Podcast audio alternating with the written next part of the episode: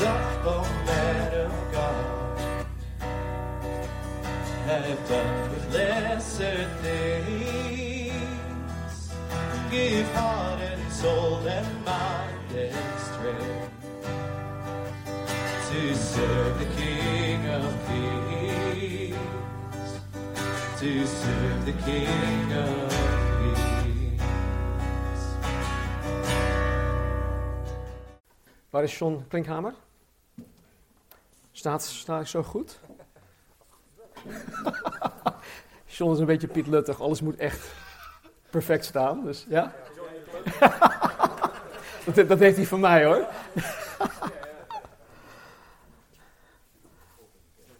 ja. Sorry? Ik heb de back recorder, ja. ja, ja.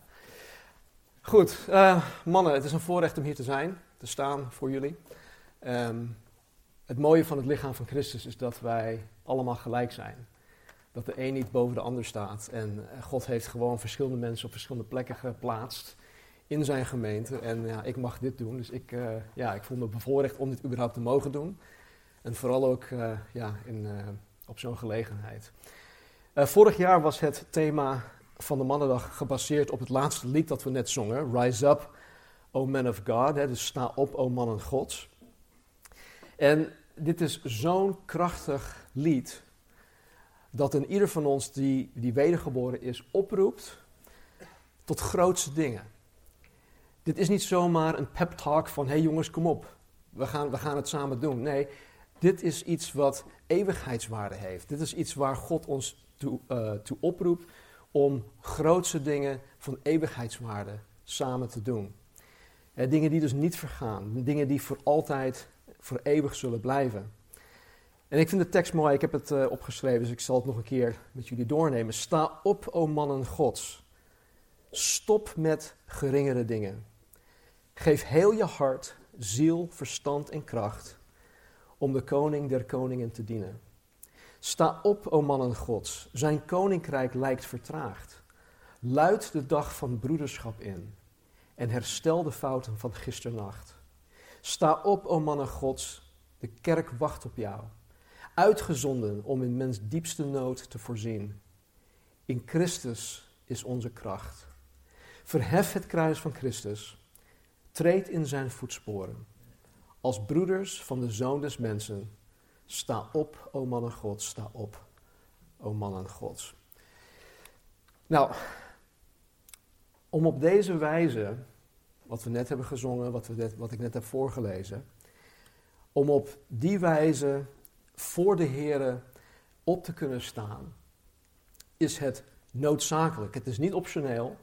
Het is noodzakelijk dat wij mannen Gods met heel ons wezen voor 100% geloven wat u al zei in de foutloosheid, in de onfeilbaarheid, maar waar het vandaag vooral om gaat, in de toereikendheid Gods woord. En daarom hebben wij biddend gekozen voor, voor dit thema, hè, de toereikendheid van Gods woord. En misschien heb je zoiets van, ja, maar wat, wat bedoel je daar nou eigenlijk mee? Wat betekent dat? Hè, wat betekent dat het woord van God, de Bijbel, toereikend is? Nou, ik wil beginnen met, uh, met wat het niet betekent. Gods woord zal ons niet bijvoorbeeld hebben met, helpen met een lekke band. Uh, of wanneer wij proberen uit te vogelen, waar ik afgelopen tijd mee bezig was, uh, wat voor ledverlichting het beste is voor mijn keuken. Uh, de Bijbel zegt ook niets over vaccinaties. Of de spelregels van voetbal en dat soort dingen. Dus daar gaat het niet om. En waar het wel toereikend voor is, is dat de schrift ons alles leert wat wij over God, de God van de Bijbel, moeten weten. De schrift leert ons alles wat wij over de God van de Bijbel moeten weten. Daartoe is het toereikend. Het leert ons ook wat die God van ons, van jou en mij, van de mens vereist. Wat hij van ons verwacht, wat hij van ons vereist om een christen te worden. Want daarvoor heeft hij ook dingen afgebakend. Je kan niet zomaar door op je eigen manier te geloven te gaan geloven in God en daardoor een christen worden. Nee, hij heeft daarvoor um, zijn instructies gegeven. En het, het, leert ons ook om christen te zijn. In de, de meest volledige zin van het woord. En met toereikend bedoelen wij dat de Bijbel niet alleen genoeg is of voldoende is, maar dat de Bijbel ook exclusief is. En met andere woorden, het is niet de Bijbel plus. Het is niet, ja, wij zijn christenen en wij lezen wel de Bijbel, maar we hebben ook al deze dingen nodig om een goede christen te kunnen zijn. Of om hier gezond te zijn, of om hier gezond te zijn. Dus het is niet de Bijbel plus. En het is ook niet de Bijbel min dit of dat. En vaak zijn wij als mens geneigd om de moeilijke dingen in de Bijbel te vermijden. Ah, nee, daar wil ik het niet over hebben. Uh, ik, ik, krijg regelmatig um, uh, mensen die, die dan vragen: joh, waarom predikt mijn predikant niet door het Bijbelboek Openbaring heen? Ja, dat moet je niet aan mij vragen, dat moet je aan hem vragen. Maar ik heb wel mijn ideeën daarover, want ik heb zelf ook in dat soort kerken gezeten waar men zegt van nee, openbaring dat is een gesloten boek, daar moeten we niet aan beginnen, bla bla bla. Maar weet je wat openbaring betekent? het openbaring. Het is dus per definitie niet gesloten. Maar goed, het is dus ook niet hè, de Bijbel min dit en dat, dat we dit eruit halen en dit negeren en dat opzij schuiven. Mensen komen bijvoorbeeld niet tot een levend geloof in Christus door middel van programma's. Het is niet, oké, we hebben wel de Bijbel, maar we hebben dit programma nodig om mensen tot bekering te laten komen, om mensen tot geloof te laten komen. Het gebeurt niet door programma's of laagdrempelige benaderingen. Het is niet zo dat wij een, een vernieuwde, een meer relevante boodschap voor anno 2021 à tijdens de coronacrisis moeten gaan verzinnen om mensen tot geloof te brengen in Jezus Christus. Een, een boodschap die meer inclusief is, een, mens, een boodschap die meer laagdrempelig is, een boodschap die minder aanstootgevend is. En Joanny zal hier ons eh, meer over gaan vertellen, toch? Ja, hij, hij knikt ja. Nou, het is ook niet zo dat, dat wanneer mensen eenmaal tot geloof in Jezus Christus zijn gekomen, dat ze ook nog eens een, een, een programma moeten gaan volgen. of dat men hulp van een, een psycholoog of van een psychiater moet gaan inschakelen om van allerlei menselijke schade, pijn, leed en verleden en issues af te komen. God is bij machten om zijn kinderen hierin te helpen, om hiervan af te komen. Psalm 23 staat op een gegeven moment, hij verkwikt mijn ziel. Dat woordje verkwikt betekent dat het niet alleen dat, dat wij verkwikt worden in onze ziel, maar dat hij ons herstelt, volledig herstelt. Daar gaat Casper ook meer over vertellen. Hier. Hier kom ik zo meteen nog ook op terug. Dus in, in 2 Korinthe uh, 5 vers 17, staat hij er? Ja, staat, Paulus schrijft daarom, als iemand in Christus is, is hij een nieuwe schepping. Het oude is voorbij gegaan, zie, alles is nieuw geworden. De positie van ieder wedergeboren kind van God is dat hij of zij een nieuwe schepping is. Het oude is voorbij gegaan, zie alles is nieuw geworden. En het is doordat wij deze nieuwe natuur hebben gekregen, doordat wij als het ware opnieuw door God geschapen zijn, dat wij door God in staat gesteld worden om weer heel te worden. Wij kunnen als wedergeboren kind van God heel worden. God is in de business van herstel. God is in de business van vernieuwing, hernieuwing, verzoening. En Gods woord is daartoe of daarvoor toereikend. En eh, wat ik net schetste, dat wij weer heel worden, dat gebeurt door middel van het heiligingsproces. En wat enerzijds inhoudt dat men zich van, van zonde afkeert, en anderzijds zich door Gods woord laat hervormen naar het evenbeeld van Jezus Christus.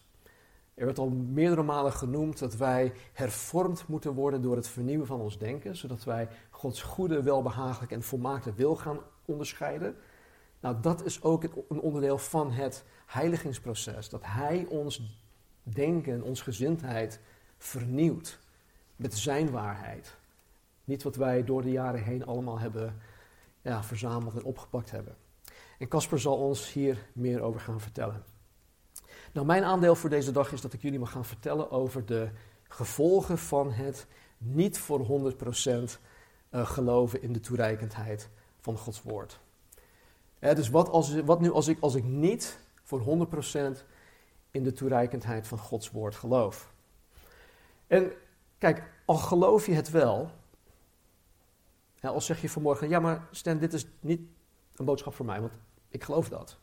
Nou, al geloof je dat wel, ik weet zeker dat je hier iets aan zal hebben. Want ik heb er zelf ook heel veel aan gehad in mijn voorbereiding. Want ik zal dingen gaan aanhalen waar je misschien um, gewoon nooit bij stil hebt gestaan. En dingen die je ook mee kan nemen, niet alleen voor je eigen geestelijke groei, maar die ook vooral handig zijn om met anderen weer door, uh, door te nemen, te vertellen, door te geven. En want wij zijn als het ware een doorgeefluik. Wij krijgen het van God, wij nemen het van hieruit, nemen dit tot ons, God bevestigt het in ons hart en wij mogen het weer doorgeven. En als wij dat alleen maar voor onszelf houden, dan is er iets mis. En dus dat moeten we ook door ons, ja, in onze oren knopen. Wij moeten het niet voor onszelf houden. Um, wat we ook voor ogen moeten houden, wanneer wij het over de toereikendheid van Gods woord hebben, is dat dit gebaseerd is op wat um, ook al eerder is genoemd. En dat is de leer, het is een doctrine van de foutloosheid en onfeilbaarheid van de Bijbel wat de handschriften betreft. Genesis 1 tot en met Openbaring 22 in de Hebreeuwse handschriften en in de Griekse handschriften, met uitzondering ook nog wat, wat Aramees.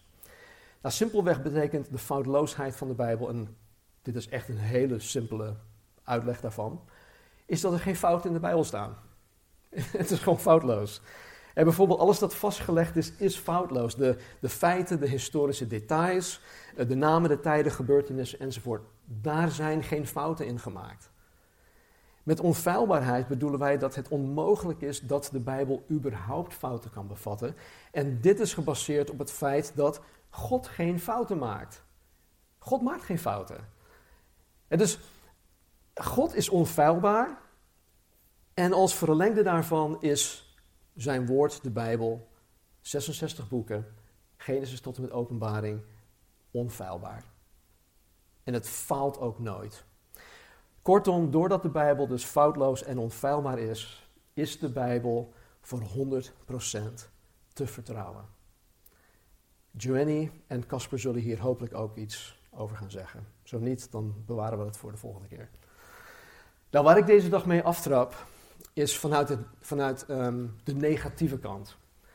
En ehm, ik ben niet zo om, om iets te benadrukken vanuit het negatieve. Maar ik denk dat het goed is om het uh, soms ook vanuit een negatieve kant te bekijken.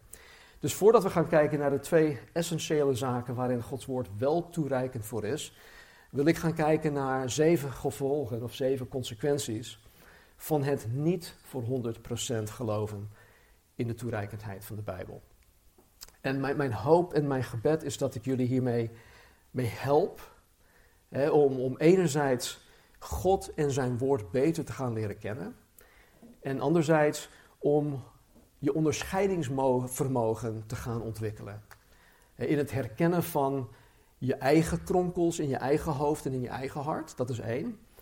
Maar ook om onderscheidingsvermogen te ontwikkelen in het herkennen van voorgangers en kerken die misschien wel zeggen dat ze in de toereikendheid van Gods woord geloven, maar die daar in de praktijk van hun dagelijks leven en vooral ook in hun bedieningen niet naar handelen. En daar zijn er, daar zijn er helaas best wel veel van. Dus um, er zijn wat gevolgen. Het eerste gevolg, uh, het eerste gevolg van het niet voor 100% geloven in de toereikendheid van Gods woord, is dat het Gods autoriteit over jou, jouw denken, over jouw ziel, over jouw hele wezen, usurpeert.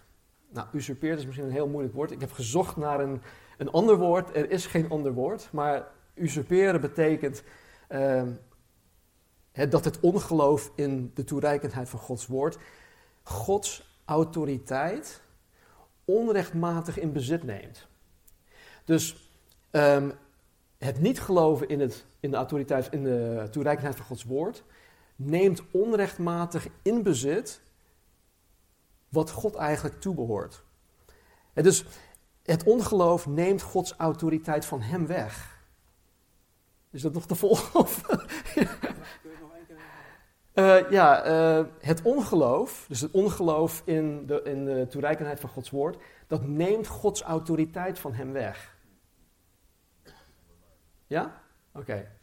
Dus het ongeloof hierin neemt Gods autoriteit van hem weg en het eigent het zichzelf toe. Dus dat. Nou, geloof in de toereikendheid van Gods woord is eigenlijk dus een kwestie van autoriteit. Het is een kwestie van gezag. Want als je er niet voor 100% in gelooft, dan zal je op zijn minst, op zijn allerminst, gaan twijfelen ehm, ja, over Gods autoriteit over jouw redding. Ben ik wel gered, ja of nee? Ik doe nog zoveel stomme dingen. Ik heb van de week nog dit gedaan. Ik blijf maar in die zonde steken. Ik doe, dan ga je twijfelen op zijn minst over jouw redding. Je gaat twijfelen over jouw christen zijn, over jouw denken, over jouw ziel, over jouw emoties, jouw gedrag. En over de moeilijke beslissingen die je moet gaan nemen.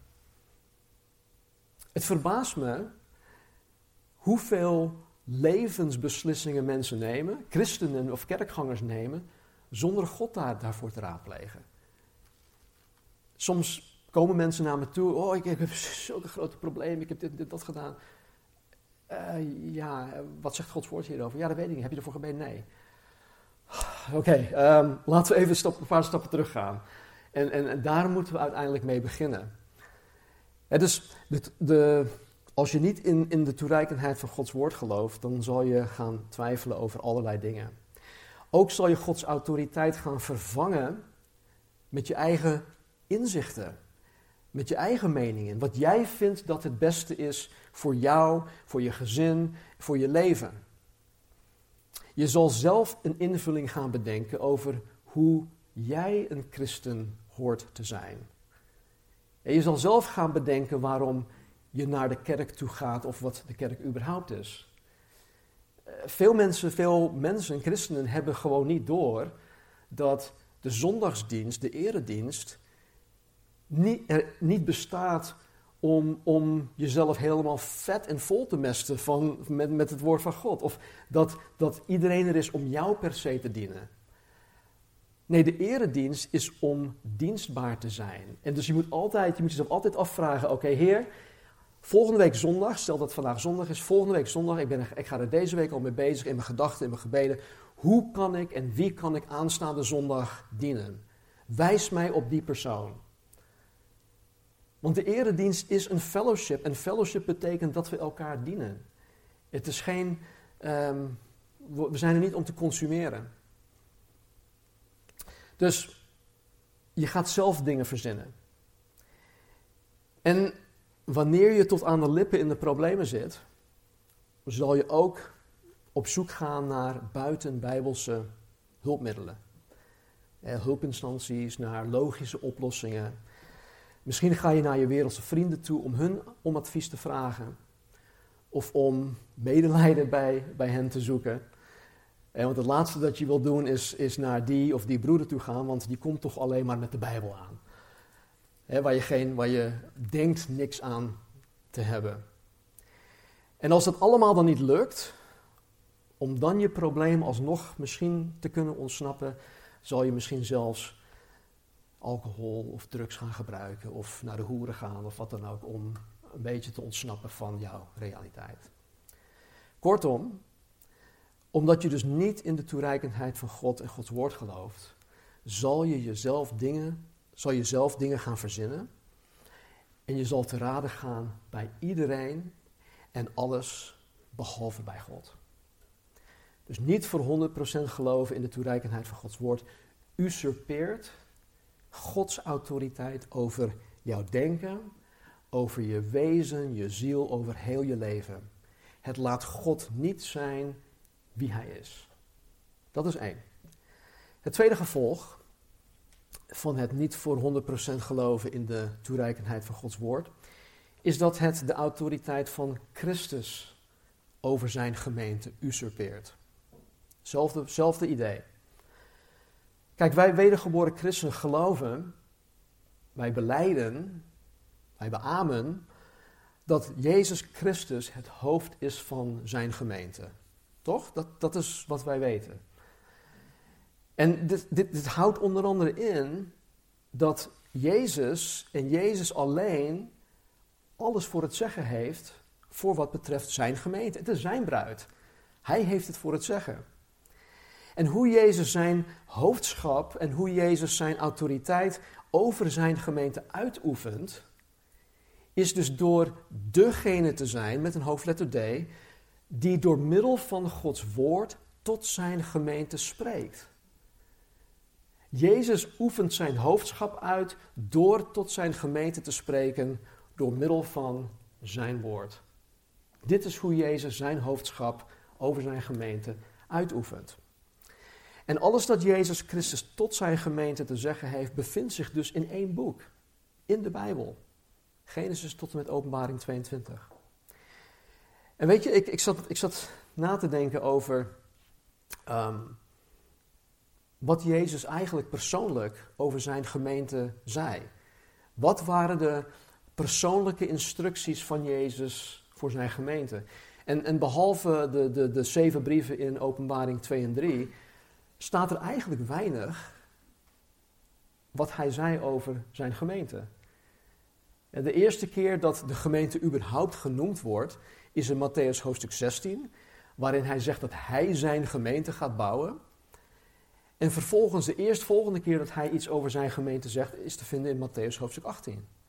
En dan zegt hij dit. Maar als uw broeder tegen u gezondigd heeft, ik heb tegen, tegen u heb ik, nee, niet, ja, eh, schuin gezet, omdat het in sommige handschriften niet staat. Dus het kan ook gelezen worden als, maar als uw broeder gezondigd heeft, ga naar hem toe Wijs hem terecht tussen u en hem alleen, dus houd het cirkeltje klein. Als hij naar u luistert, hebt u uw broeder gewonnen. Maar als hij niet naar u luistert, neem er dan nog één of twee met u mee, opdat in de mond van twee of drie getuigen elk woord vaststaat. Als hij niet naar hen luistert, zeg het dan tegen de gemeente. En als hij ook niet naar de gemeente luistert, laat hij dan voor u als de heidenen en de tollenaar zijn. Dit is de allereerste instructie dat Jezus als hoofd van zijn gemeente aan de gemeente geeft. Je zou zeggen, je zou denken van oké, mensen, we gaan een gemeente starten. Laten we uh, op social media mooie visuals maken. Laten we het in de krant zetten. Laten we het promoten met allerlei mooie dingen. Want zo kunnen we het beste mensen gaan trekken, mensen vangen, zieltjes winnen. Jezus deed gewoon het, het, tegenovergestelde. Dit is, wat, dit is hoe Jezus zijn, uh, gemeente uh, begon. En ik vind het best wel ja, opvallend dat hij deze als eerste instructie aan zijn gemeente geeft. En het heeft te maken met het zuiver houden van zijn gemeente. Jezus wil dat zijn gemeente zuiver is. Dat zien we ook in, in Handelingen hoofdstuk 5 met Ananias en Safira, die, die tegen God en tegen Petrus en tegen de Heilige Geest hadden gelogen over een geldbedrag dat ze overgemaakt hadden. Ze hadden zich voorgedaan van jongens, ik heb, ik heb, ik heb ons uh, grond voor 1000 euro verkocht en we geven alle duizend aan jullie. Kijk, ons, kijk naar ons, kijk ons eens. Terwijl ze het grond voor 2000 hebben verkocht en die, en die andere duizend gewoon achtergehouden hebben, maar ze deden het voor alsof ze alles aan de kerk hadden gegeven. En wat gebeurde er? Christus wilde hun, van hun een voorbeeld maken. Ze vielen allebei ter plekke dood. Om zijn gemeente zuiver te houden. En hij wil dus, Jezus wil dat een, een levensstijl van onbekeerde zonde. Hè? Dus begrijp me goed. Het is niet zo dat wij nu naar iedereen moeten gaan. Hey, wat, wat, met een vergrootglas uh, een soort sinsniffers moeten gaan worden. dat, dat we iedereen echt, echt in de gaten gaan houden. Nee, het gaat echt om, om een levensstijl van onbekeerde zonde. Jezus wil niet dat een levensstijl van onbekeerde zonde in zijn gemeente, waar hij alle recht over heeft, dat dat gedoogd wordt.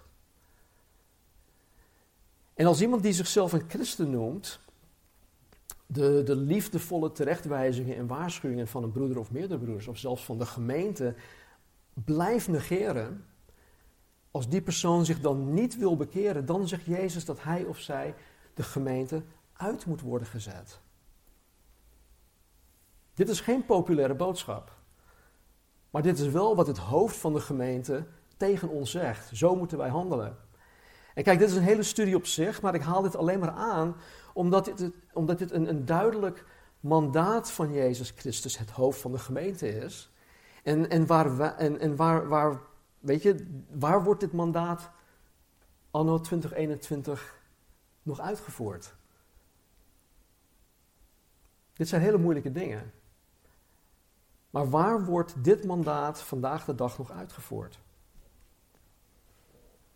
Kijk, waar, waar mensen en kerkleiders de toereikendheid van de lastige gedeelten van Gods woord uh, negeren, eh, vooral op het gebied van kerkelijke tucht, wordt de autoriteit van Jezus Christus het hoofd geusurpeerd.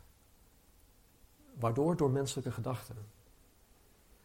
En want iemand zou heel goed kunnen zeggen: ja, maar dat is toch niet liefdevol? Iemand de deur wijzen. Dat is toch niet liefdevol? Want Jezus is toch liefde? Ik begrijp dat sentiment. Maar wie moeten wij gehoorzamen? De gedachten van mensen of het hoofd van de gemeente? Ja, Jezus absoluut is liefde. En Gods woord is toereikend om ons de weg te wijzen naar hoe het liefdevol hoofd van de gemeente wil hoe wij zijn kerk runnen. En geloof me, ik weet hoe moeilijk dit is. En wij zitten momenteel in onze gemeenschap, achter de schermen is er een situatie waar wij dit waarschijnlijk, mocht die persoon zich niet bekeren, moeten we dit gaan toepassen. En dit zijn, dit zijn gewoon de, de, de moeilijkste dingen die wij als, als, als kerk, waar we mee te maken krijgen. Dit, zijn gewoon, dit wil je gewoon niet. Als God tegen mij 28 eh, jaar geleden had gezegd van, joh, je gaat naar Nederland toe en je moet dit gaan doen, had ik gezegd, nee, zoek maar een ander. Maar dit hoort erbij. Hij is het hoofd en dit is een mandaat. En Jezus heeft natuurlijk veel meer dat hij over en tot zijn gemeente te zeggen heeft. En daar hebben wij dan de hele Bijbel voor. Maar het niet voor 100% geloven in de toereikendheid van Gods woord usurpeert dan ook de autoriteit van het hoofd Jezus Christus over zijn gemeente. Het derde gevolg van het niet voor 100% geloven in de toereikendheid van Gods woord is dat het het werk, het werk van de Heilige Geest in de weg komt te staan.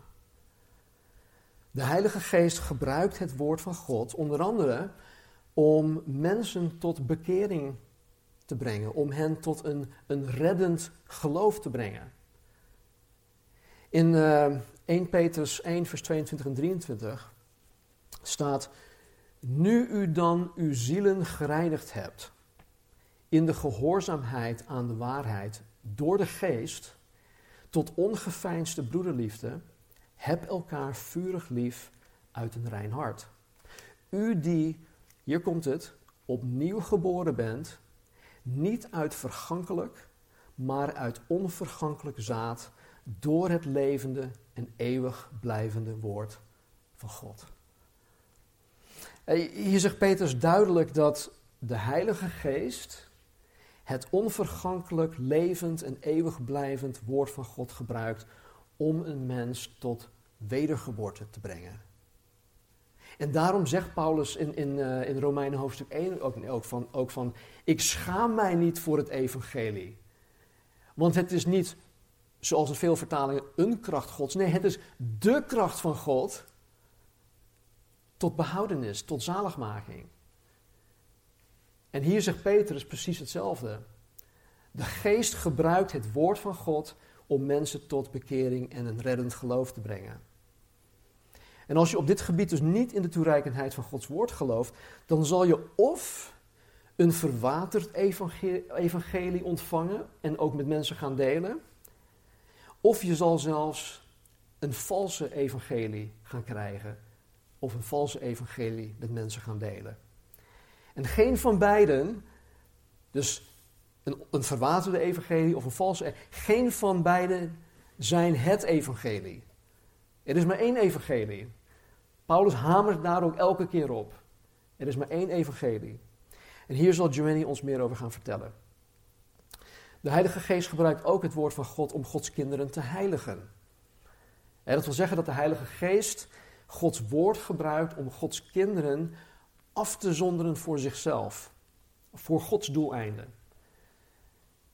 Als je bekend bent met het Oude Testament, dan zie je dat God elke keer tegen Israël zei: Meng je niet met die en die en die volkeren. Zonder jezelf af, zonder jezelf af.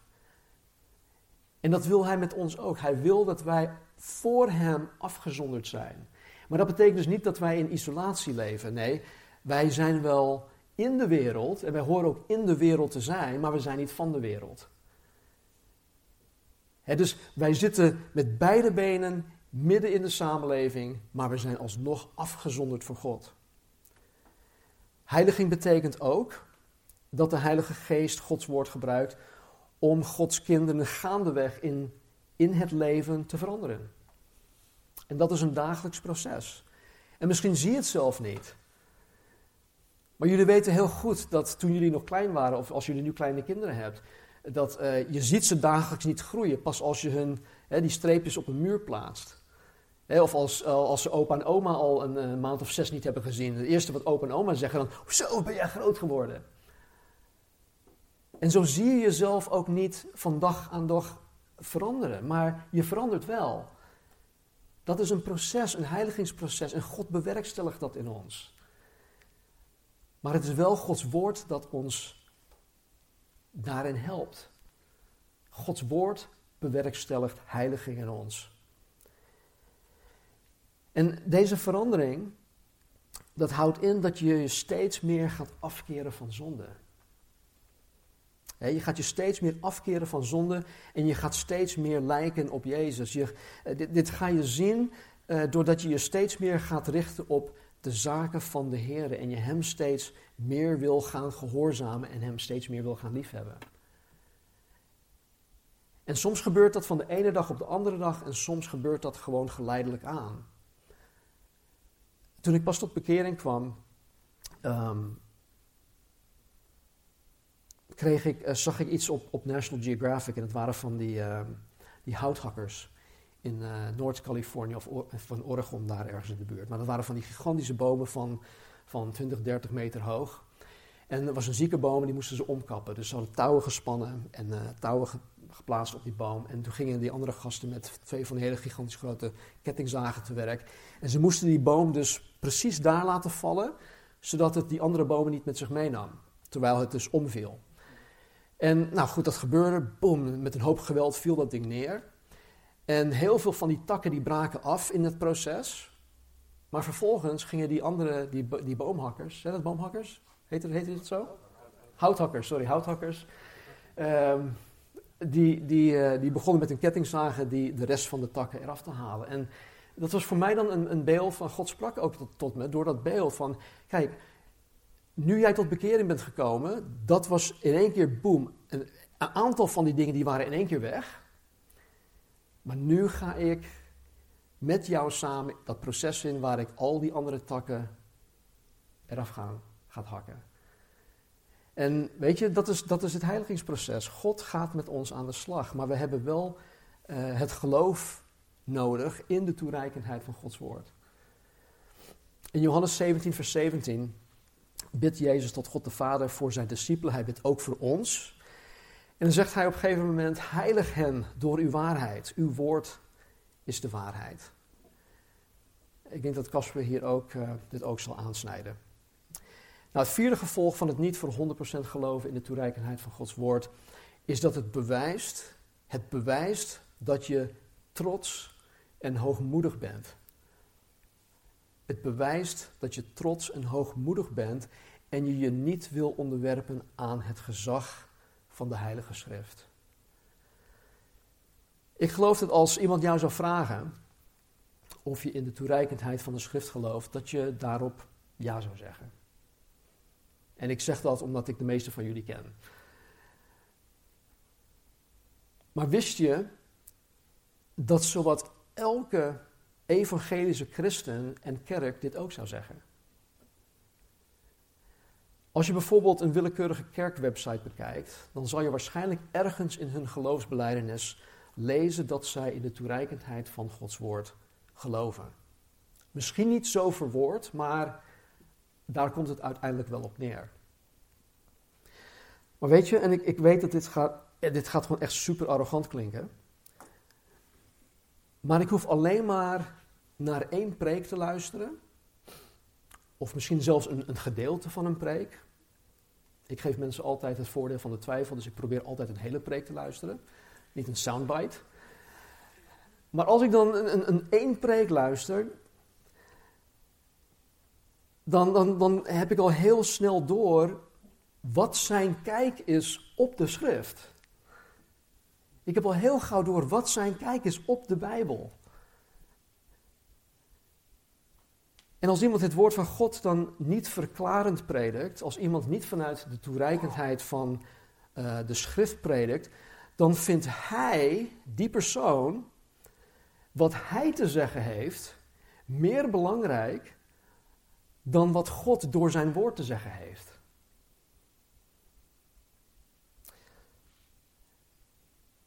Ik hoorde een paar weken geleden een, een gedeelte van uh, iemand die ik ken. En uh, die had een, een, thema bedacht. En hij pakte daar een, een schriftgedeelte bij dat min of meer zijn thema zou kunnen onderbouwen. En eh, sorry, ik, ik, ik hou van deze man, maar het sloeg helemaal nergens op. Er was geen verklaring van dat schriftgedeelte. Het was, ik heb een idee, even kijken, even snel bladeren. Uh, oh, dit past er wel bij. En weet je, ik, ik, ik zat daar in mijn eentje met kromme tenen gewoon. Want, ik ken die persoon en ik zou, ik zou liefst gewoon wat hij op, op, op het internet had, had gezet, dat ik dat gewoon weg, weg kan halen. Dus als je niet vanuit de toereikendheid van de schrift predikt, dan predik je niet wat God belangrijk vindt, maar wat je zelf belangrijk vindt. En dat was echt, in dit, in dit geval was dat zo. Dat was zo duidelijk. Dus ze verheffen, ze verheffen zichzelf. Uh, hun kennis, hun levenservaring, hun eigen menselijke wijsheid, hun, hun eigen inzicht, hun bekwaamheid boven het woord van God. En dat bewijst dat die persoon trots is en zich niet wil, wil schikken en onderwerpen aan het woord van God. En het geldt ook voor de doorsnee christen. Niet alleen degene die voorgaan in het woord. Ik hoef alleen maar een half uurtje met iemand van hart tot hart eh, over de Bijbel te praten en ik weet al direct wat zijn of haar kijk op Gods woord is. En dat, dat, bedoel ik nogmaals, het klinkt arrogant, maar het is echt niet zo. Dus door, door niet voor 100% te geloven in de toereikendheid van Gods woord, geef je eigenlijk aan dat je trots en hoogmoedig bent. Je zou het nooit zeggen. En als, en als je zo'n persoon daarmee confronteert, als je daar vragen over gaat stellen, zullen ze daar ook waarschijnlijk niet op ingaan, of op zijn minst niet op ingaan. Maar het geeft gewoon aan dat je je niet wil onderwerpen aan het gezag van de schrift. En begrijp me heel goed, hè? wij wij doen dit absoluut niet perfect. Ik doe dit niet perfect, maar ik wil voor de Heer Jezus Christus staan en ik wil Hem behagen. En wanneer ik bezig ben met al mijn voorbereiding, met al mijn research, met al mijn onderzoek en al dat soort dingen, dan doe ik dat. Ik, ik, ik, ik moet me ertoe dwingen om met mijn kont op die stoel te blijven zitten en gewoon mijn werk te doen, zodat ik Hem kan behagen. Want het gaat niet sorry, ik, ik meen het echt niet lullig. Het gaat niet om jullie. Ik wil zijn spreekbuis zijn en ik wil dat wanneer ik voor hem kom te staan, dat hij zal, tegen mij zal zeggen: Goed gedaan. Goede en trouwe slaaf. En ik weet dat, dat ik dit niet in alle volmaaktheid doe. Casper doet het ook niet in volmaaktheid. Hij ook niet. Maar weet je wat? Toen God ons riep om dit te doen, Joanny zei ik toch net, ja. Toen God ons riep om, om, om dit te doen, um, hield God al rekening met al onze tekortkomingen. God die alles weet, hield al rekening met mijn fouten en met mijn valkuilen en al dat soort dingen. En dat geldt ook voor jullie. Denk niet dat jullie ineens perfect moeten zijn om God te kunnen dienen. Nee, hij wist al ver van tevoren wat voor domme dingen jullie allemaal zouden gaan doen. Wat voor domme dingen ik allemaal heb gedaan en nog steeds zal gaan doen. Het vijfde gevolg van het niet voor 100% geloven in de toereikendheid van Gods woord, is dat het je zal verhinderen in het ontwikkelen van en groeien in de gedachten of de geest of de, gezindheid, de geest hier, de mind van Christus. Paulus schrijft in 1 Korinthe 2, wij hebben de gedachten, nogmaals, de gezindheid, de geest van Christus. Wij die wedergeboren zijn, hebben de gedachten van Christus. Punt uit. Geen komma en geen maar erachter. Nee, punt uit. In Matthäus 16, wat ik zo even al aanhaalde, zei Jezus tegen zijn discipelen dat hij zijn gemeente gaat bouwen. En dat heeft Jezus in de afgelopen 2000 jaar trouw gedaan. Wij zijn daarvan het bewijs. Wij die hier nu zitten. En Jezus doet nooit half werk, hij maakt ook af waar hij, waaraan hij begint en hij zal dit werk ook afmaken. Maar hij is sinds de hemelvaart niet fysiek aanwezig op aarde. Het is niet zo dat we ineens Jezus door de deur heen zien lopen en van, hé hey jongens, fijn dat jullie er zijn. Nee, hij is hier gewoon niet. Niet lijfelijk aanwezig. Jezus bouwt zijn gemeente dus door middel van menselijke werktuigen, jou en mij. En hij kent ons door en door. En hij kent al onze tekortkomingen, al ons falen en al onze valkuilen, al onze rotzooi. Hij weet het, hij weet het van tevoren al. En toch wil hij ons daarvoor gebruiken. Toch wil God ons daarvoor inzetten. En weet je, dat werk bestaat niet alleen uit wat wij zien als, als kerkelijke dingen. Het bouwen van de kerk in de zin van uh, Calvary Chapel Flevoland of Calvary Chapel of uh, Christengemeente um, Barneveld of, of waar dan ook. Ja, dat is een groot onderdeel daarvan. Maar het bouwwerk van de kerk bestaat ook uit het bouwen van je thuissituatie.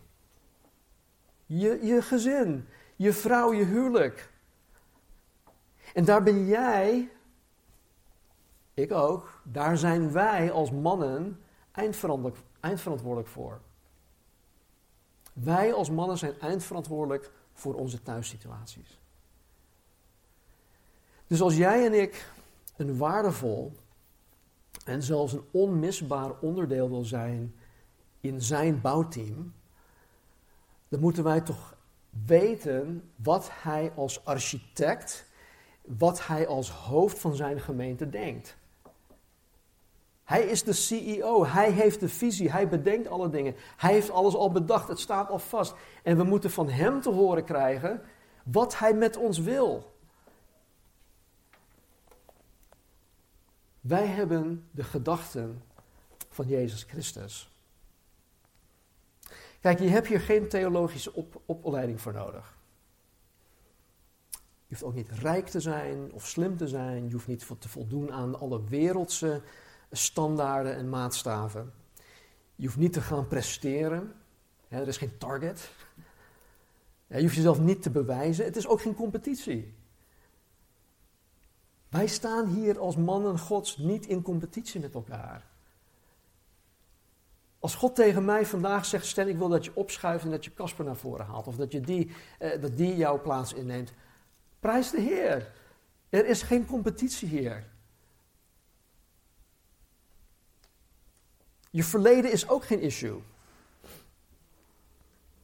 Het maakt Jezus niets uit hoe groot en hoe vol die rugzak voor jou is.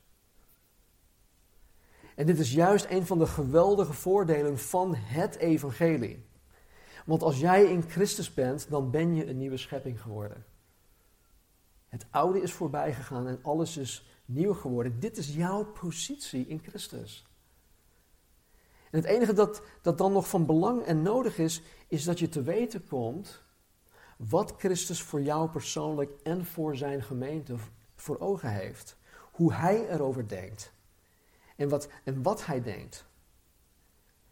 En als Paulus dus schrijft dat Gods kind de gedachten, de gezindheid, de geest van Christus heeft, dan bedoelt Paulus daarmee niet dat, dat zijn gedachten tot ons komen door middel van een of andere mythische kracht. Telepathisch of noem maar op. Er zijn zoveel rare gedachten en ideeën in deze wereld. Nee, wij weten wat Christus denkt omdat wij Gods woord, de Bijbel, hebben wat toereikend is. Hierin zijn de gedachten van Christus. Dit is de gezindheid van Christus. Dit is de geest van Jezus Christus. Maar als je dus, als je dus nu niet voor 100% gelooft in de toereikendheid van Gods woord, dan zal je nooit, dan zal je nooit te weten komen wat de gedachten van Jezus zijn. Niet over het bouwen van zijn gemeente, ook niet over jouw persoonlijk leven. En dat is zonde. Dat is echt zonde. Het zesde gevolg, ik heb nog een paar korte. Um, het zesde gevolg van het niet voor 100% eh, geloven in de toereikendheid van Gods woord, is dat het je zal verhinderen. Het zal je verhinderen om Gods spreekbuis te zijn, Gods stem te zijn over elk vraagstuk in deze tijd. En er zijn heel wat vraagstukken in deze tijd. Denk bijvoorbeeld, ik, ik heb een paar genoemd, ik zal een paar opnoemen. Denk aan, aan deze. Het huwelijk. Het huwelijk. Wat is het huwelijk eigenlijk? Hoe definieer jij het huwelijk? Waarom trouwen mensen? Wel of niet? En hoe zit het met seks voor het huwelijk of seks buiten het huwelijk als je eenmaal getrouwd bent? Hoe zit het met het homohuwelijk? Is dat überhaupt een huwelijk? Tussen twee mannen en twee, of twee vrouwen. Hoe zit het met echtscheiding? Is echtscheiding goed voor de kinderen als de ouders alleen maar ruzien? wat, wat vaak als reden wordt gebruikt om uit elkaar te gaan. Is echtscheiding goed voor de maatschappij? En moeten man en vrouw per se gaan trouwen als de vrouw buiten het huwelijk zwanger is geworden? Als ze dan samen een kind hebben. Kan jij hier vanuit Gods woord met mensen over praten? Geloof je dat het woord toereikend is om over deze vraagstukken met mensen te praten? Er staat misschien niet letterlijk in wat God hierover denkt. Je moet, je moet er iets voor doen. Je moet uh, gaan zoeken, je moet bidden, je moet smeken, Heer, wat, wat, wat, wat moet ik hier eigenlijk mee? Wat zegt uw woord hier wel of niet over? Wat dachten jullie van de, de LGBTQ-beweging? Een heel actueel vraagstuk. Wat zijn dit voor mensen? Waarom zijn ze zo? Kunnen zij zich ervan bekeren als ze dat echt willen, of blijven zij de rest van hun leven gewoon zo? Hoe gaat de kerk met mensen van deze geaardheid om? Mogen ze bij jou überhaupt in de kerk komen? En zo ja, wat is het doel daarvan dat je hun binnenlaat? En hoe ga je zo'n iemand discipelen? Zijn er LGBTQ'ers die ook wedergeboren christen zijn? Die wedergeboren zijn en nog steeds een LGBTQ'er blijven? Mogen LGBTQ-koppels kinderen adopteren? En is het zoals ze zelf beweren een blijk van liefde om mensen van deze geaardheid te accepteren, te omarmen en om ze niet te discrimineren? Is dat ware liefde? Wat dachten jullie van coronavaccinatie? Moet men zich laten vaccineren? En alle andere vraagstukken hieromheen. Kijk, ik, geloof dat, dat God wel degelijk een uitgesproken mening heeft over de vraagstukken die ik net genoemd heb. Hiermee zeg ik tegelijk ook dat Gods woord toereikend is. En dat wij met het woord van God al deze vraagstukken namens God kunnen tackelen. Maar wat ik net ook zei, het staat niet letterlijk, gij zult zich wel of niet laten vaccineren. dus je moet, je moet gaan graven, je moet, God, je moet die relatie met God hebben. Je moet misschien heel, heel oneerbiedig gezegd, moet je als het ware op zijn schoot kruipen en dan papa vragen van, heer, wat, wat moet ik hiermee? Ik weet het echt niet. Bid en smeek, ga op je knieën om tot de kennis van Gods woord te komen, om te weten te komen wat Hij ervan vindt. En wat jij met anderen hierover mag delen. Ik denk dat de doorsnee christen het helaas heel moeilijk en lastig vindt om Gods spreekbuis over deze vraagstukken te zijn. En ik snap dat. Dit zijn hele lastige dingen. Vooral als je in de wereld dit soort gesprekken gaat voeren. Er is op zich niks mis, niets mis mee als je bijvoorbeeld een, een, een pasbekeerde bent. En dit gaat misschien heel hard klinken, maar als je al jarenlang christen bent en als het woord van Christus dan nog niet rijkelijk in je woont, dan is dat aan jou. Ik snap dat, dat, dat, dat sommigen van jullie misschien uit een hele andere achtergrond zijn gekomen, waar het woord niet werd terechtgesneden, waar het woord van God niet werd verklaard, waar het niet echt aangemoedigd werd om zelf de Bijbel te gaan toe-eigenen. En, dat snap ik. Maar er zijn zat mensen die ook bijvoorbeeld bij ons nu al 15 jaar in onze gemeente zitten, die niet in staat zijn om met deze vraagstukken aan de gang te gaan. En ik geloof niet, en ik, ik, hoop ook niet, en als dat wel zo is, dan wil ik heel graag weten, ik hoop niet dat het aan mij ligt. En wat dan als je niet voor 100% in de toereikendheid van de Bijbel gelooft, dan val je op deze gebieden echt door de mand. Dan val je echt door de mand. Want stel dat jij door de school, door je school of door je werkgever of door je niet-gelovige familie gevraagd wordt om een bijbelse kijk te geven op de actuele vraagstukken. Die drie vraagstukken die ik net heb genoemd. En stel dat je dat dan live op televisie moet gaan doen. Ik denk dat al geloof je voor 100% in de toereikendheid van Gods woord, dit een gigantische uitdaging voor je zal zijn.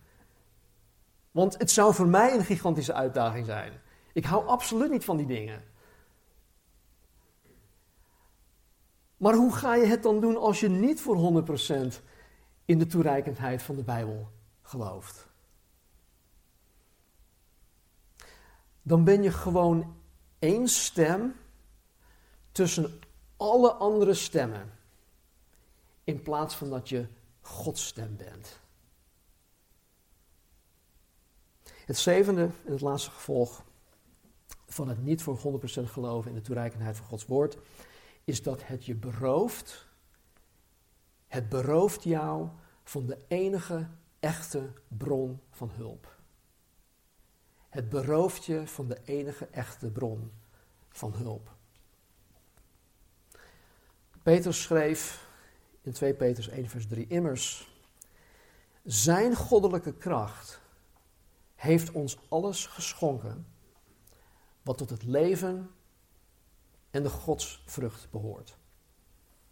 Door de kennis van Hem die ons geroepen heeft, door Zijn heerlijkheid en Zijn deugd.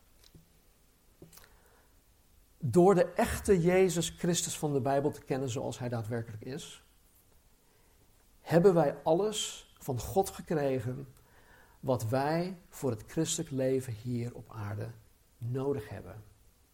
Alles. En alles wat wij nodig hebben om God met ons leven te eren, te verheerlijken en ook te dienen. En deze prachtige belofte geeft aan dat wij niet, niet uit, eigen kracht een christen hoeven te zijn. dat wij God niet uit eigen kracht moeten eren en dienen om Hem te pleasen. In dat stukje uit Johannes hoofdstuk 15, waarin Jezus zegt dat Hij de ware wijnstok is en wij de ranken en dat de ranken vrucht horen te dragen. Over een aantal maanden zullen we in de lente verschillende vruchtbomen zien bloeien. Eerst zie je een bloesem opkomen en dan zie je een klein vruchtje. En het is niet zo dat die, die takken ineens gaan struggelen of worstelen van, ik moet nu vrucht gaan dragen. Ik doe het uit eigen kracht. Nee, die takken die, die hangen gewoon in de strong, in de boomstam. En die, die, die hangen daar gewoon. En ze zijn aan het, uh, die boom is aan het, wat je call dat, dat groen uh, um, gebeurde, uh, gebeurtenis. fotosynthesis, ja. Fotosynthese. Die bomen die, die, die staan er gewoon te fotosyntheseren. En die, en die denken dan van, die denken dan gewoon van, hey, heerlijk. En die vruchten die komen er vanzelf aan, maar ze blijven in die boomstam. En dat is dan ook de bedoeling van de gelijkenis van Jezus als de wijnstok, de ware wijnstok en wij de ranken. Wij hoeven niet uit eigen kracht God te dienen op een krampachtige manier. Veel van wat er in het evangelisch christendom namens God gedaan wordt, gebeurt helaas wel uit het vlees. Het gebeurt wel uit eigen kracht. Denk bijvoorbeeld aan de, de schandalen rondom Hillsong van de afgelopen paar jaar. Carl Lenz, die uh, in, New York afgetreden moest, uh, moest worden, of eruit gezet moest worden, omdat hij een, uh, een, een, ja, een buitenechtelijke affaire had met iemand anders. hetzelfde in, in Dallas. En nu zelfs die um, um, Brian Houston in, in, in, Australië, die af moest treden vanwege seksuele dingen in zijn gemeente en op zijn bijbelschool.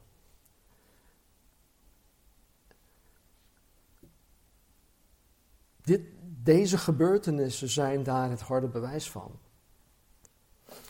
En kijk, alhoewel ze dit wel beweren, geloven zij niet voor 100% in de toereikendheid van Gods woord. En daarom verzinnen zij hun eigen doctrine, hun eigen theologie. En vroeg of laat zal Jezus zijn kandelaar bij hun wegnemen, waardoor alles wat zij in eigen kracht hebben opgebouwd, als een kaartenhuis gewoon uit elkaar vallen. En helaas, onder de naam van Jezus Christus gebeurt dit keer op keer. Het gebeurt veel te vaak. God heeft zijn kinderen alles geschonken dat nodig is om dit soort ellende, dit soort schandaal te voorkomen. Maar dan moet je je wel aan de Heer willen onderwerpen en zijn wil doen. En dit is alleen mogelijk wanneer je voor 100% in de toereikendheid van Gods woord gelooft en dat dan ook naleeft. In 2 Timotheus 3, vers 14 tot en met 17, ik weet zeker dat een van die twee dit ook zullen gaan aanhalen. Paulus schrijft aan Timotheus, de jonge voorganger, blijft u echter bij wat u geleerd hebt en waarvan u verzekerd bent omdat u weet van wie u het geleerd hebt. En u van jongs af de heilige schriften kent, die u wijs kunnen maken tot zaligheid, door het geloof dat in Christus Jezus is. Heel de schrift, Genesis tot en met openbaring, is door God ingegeven en is nuttig om daarmee te onderwijzen, te weerleggen, te verbeteren en op te voeden in de rechtvaardigheid. Opdat de mens die God toebehoort volmaakt zou zijn. Tot elk goed werk volkomen toegerust. Door voor 100% te geloven in de toereikendheid van Gods woord, ben je ervan verzekerd dat Gods woord bij machten is om één, jou te redden, ook de mensen om je heen te redden, ja, zalig te maken, en twee, om jou volmaakt te maken om jou volmaakt te maken zoals het hier staat. Maar met volmaakt bedoelt de Bijbel niet perfect zoals God dat is. We zullen aan deze kant van de eeuwigheid nooit niet zondigen, we zullen nooit volmaakt perfect zijn. Maar met volmaakt bedoelt de Bijbel ehm, dat je passend bent. Passend. Je past gewoon perfect waar God je hebben wil. Je past waar God je hebben wil. Volmaakt betekent hier ook geschikt. Dus geschikt voor waartoe God jou roept en geschikt voor waartoe God jou wil gebruiken. Volmaakt betekent hier ook opgewassen. Dus zal je opgewassen zijn tegen alles dat je in dit leven voor de kiezer krijgt. En volmaakt betekent hier ook dat je voldoende toegerust bent, voldoende toegerust om alles te kunnen doen dat God van jou vraagt en dat Hij jou beveelt. Alles. En dit is de hulp die wij, die jij en ik elke dag opnieuw keihard nodig hebben om christen te zijn. En dit is de hulp waarvan jij beroofd wordt als je niet voor 100% in de toereikendheid van Gods woord gelooft. Ik afsluiten met een schriftgedeelte dat bij uitstek echt de meest uitgebreide verklaring is van de toereikendheid van Gods woord. En misschien moeten wij dit volgende keer gewoon als thema behandelen, dit hele stuk. Psalm 19, 8 tot en met 15. De wet van de Heer is volmaakt. Zij bekeert de ziel. De getuigenis van de Heer is betrouwbaar. Trouwens, de woorden wet, getuigenis, uh, al die dingen, bevelen, uh, dat duidt allemaal op het woord van God. Dus de wet van de Heer, het woord van de Heer is volmaakt, zij bekeert de ziel. De getuigenis van de Heer, het woord van de Heer is betrouwbaar, zij geeft de eenvoudige wijsheid. De bevelen van de Heer zijn recht, zij verblijden het hart. Het gebod van de Heer is zuiver. Het verlicht de ogen. De vrezen des Heeren is rein. Zij houdt voor eeuwig stand. De bepalingen van de Heer zijn waarachtig. Met elkaar zijn zij rechtvaardig. Zij zijn begerenswaardiger dan goud, ja dan veel zuiver goud en zoeter dan honing en honingzeem uit de raad. Ook wordt uw dienaar daardoor gewaarschuwd. In het houden ervan ligt groot loon. Wie, zal, wie zou al zijn afdwalingen opmerken? Reinig mij van verborgen afdwalingen. Weerhoud uw dienaar ook van zijn hoogmoed. Laat die over mij niet heersen. Dan zal ik oprecht zijn en vrij van grote overtreding. Laat de woorden van mijn mond en de overdenkingen van mijn hart welgevallig zijn voor uw aangezicht, Heere, mijn rots en mijn verlosser. Laten we bidden. Heere God, dank u wel voor uw trouw. Dank u wel voor uw woord.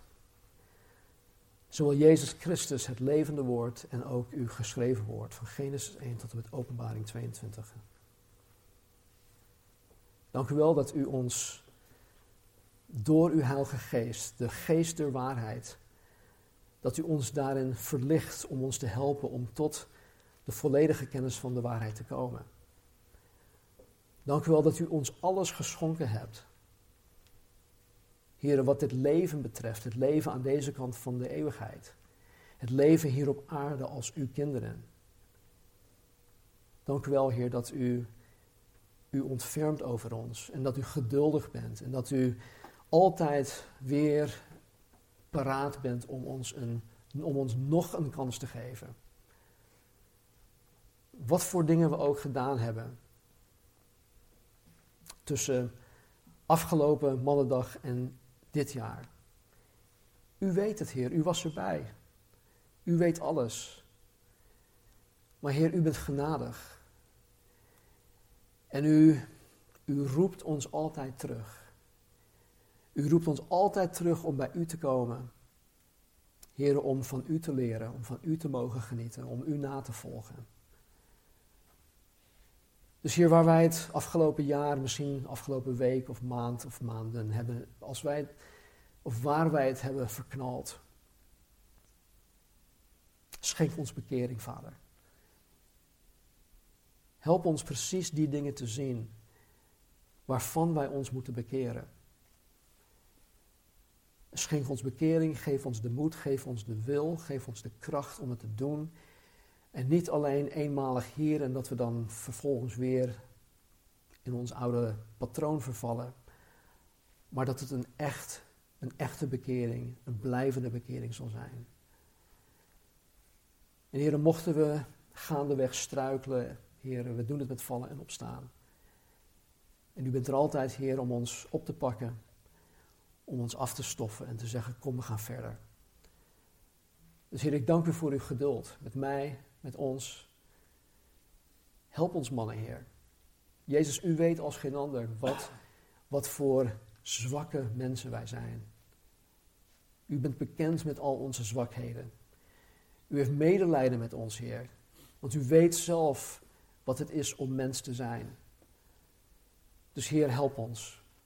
We hebben u keihard nodig. Overtuig ons van de dingen waar we van overtuigd worden te zijn, zowel in het positieve als het negatieve. En leid ons, Heer, op uw weg.